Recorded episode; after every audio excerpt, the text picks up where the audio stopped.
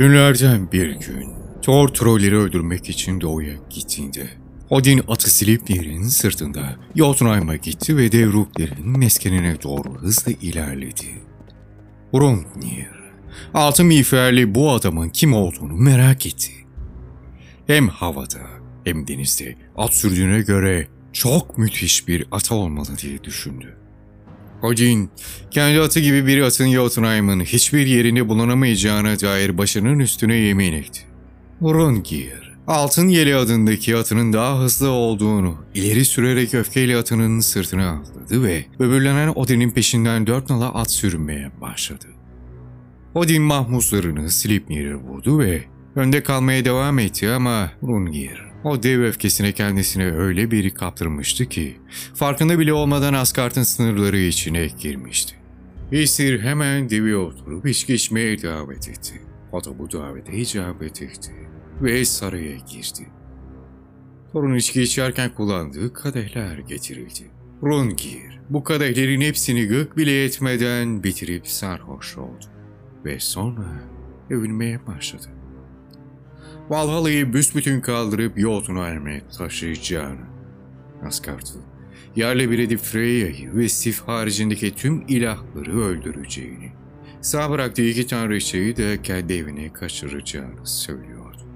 Kadehini doldurabilecek cesarete sadece Freya'nın sahip olduğundan ya da tek başına Ysir'in tüm içkisini kısa zaman içinde bitirebileceğinden bahsedip hepten üstleniyordu. Ve en sonunda tüm bu böbürlenmelerden bakan Ysir, Thor'u çağırdı.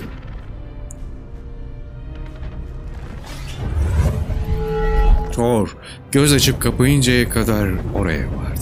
Çekicini elinde sallıyor. Adeta burnundan soluyordu. Thor, o pis dev Ruknir'e orada içme ve Valhalla'da durma iznini kimin verdiğini sanki tanrılar için düzenlenmiş bir ziyafete ermiş gibi Freya'nın ona neden içki doldurup durduğunu bilmek istedi.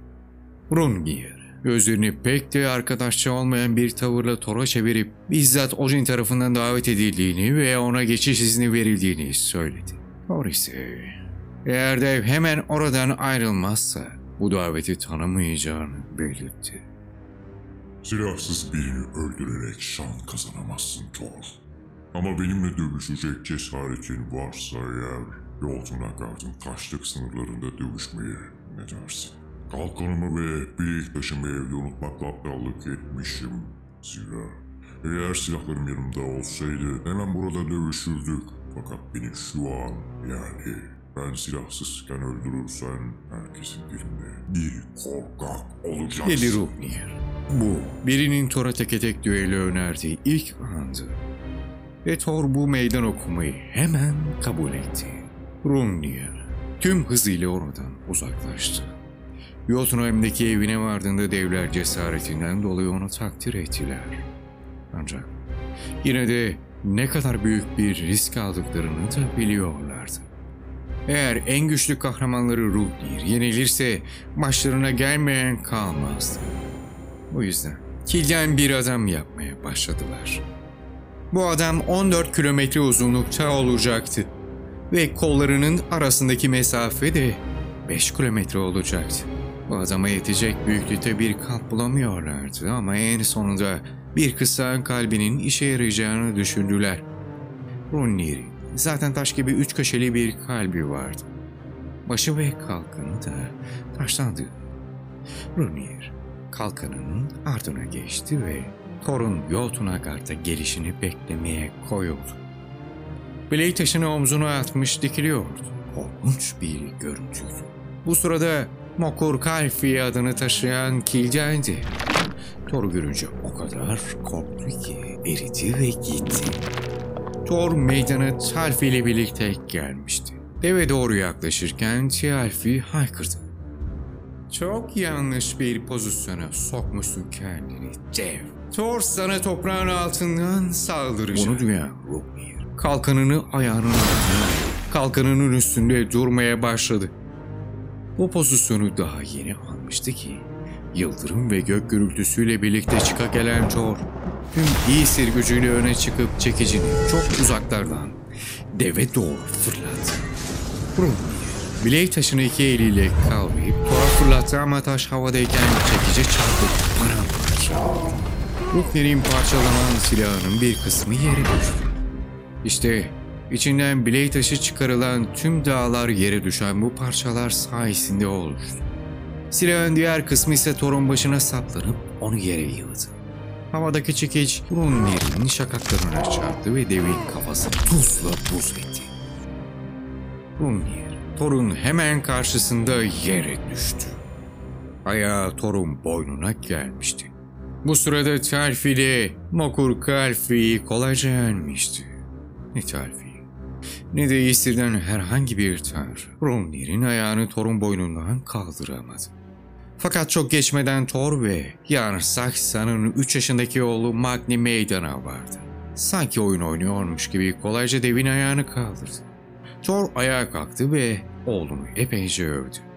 Zamanı gelince bu çocuğun büyük işler başaracağını söyleyip Rukmir'in azı altın yeleği ona ödül olarak verdi.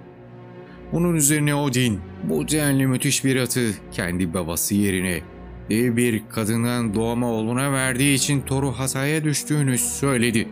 Thor artık Turtbank'taki evine dönmüştü. Ama bilek taşı hala kafasındaydı. Bu taştan kurtulabilmek için cesur Hurvandi'nin eşi Groyan yardımını istedi. Kadın büyülü sözcükler söylemeye başlayınca bilek taşı Thor'un başından yavaş yavaş ayrılmaya başladı. Thor bu sözlerin işe yaradığını fark edince yardımı karşılığında kadını mutlu etmek istedi. Bu yüzden kadını kuzeyde yaptığı yolculuklardan birinde Jotunheim'den çıkarken Urvandil'i bir sepet içinde taşıyarak Elivagar Nehri'nin geçtiğinden bahsetti. Hatta bu hikayenin kanıtı olarak da Urvandil'in ayak parmaklarından birinin sepetten dışarı çıktığını. Bu yüzden parmağının soğuktan dolduğunu ve onu koparmak zorunda kaldığını anlattı. Daha sonra bu parmağı gökyüzüne fırlatmış. Parmak orada bir yıldıza dönüşmüştü. Ve o günden beri de Hurvandil'in parmağı olarak anıldı. Thor Hurvandil'i çok geçmeden eve döneceğini ekledi. Garroa. Duydukları sonrasında o kadar mutlu olmuştu ki aklındaki tüm büyüleri unuttu. Sonuç olarak bileği taşı olarak çıkartılmadı ve bu taş Thor'un kafasında çıkıntı yapmaya devam etti. Çok çirkin bir görüntüydü.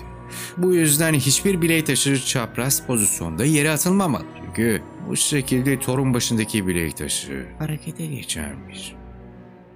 Ne kadar da garip. Hiç benim hikayelerime benzemiyor.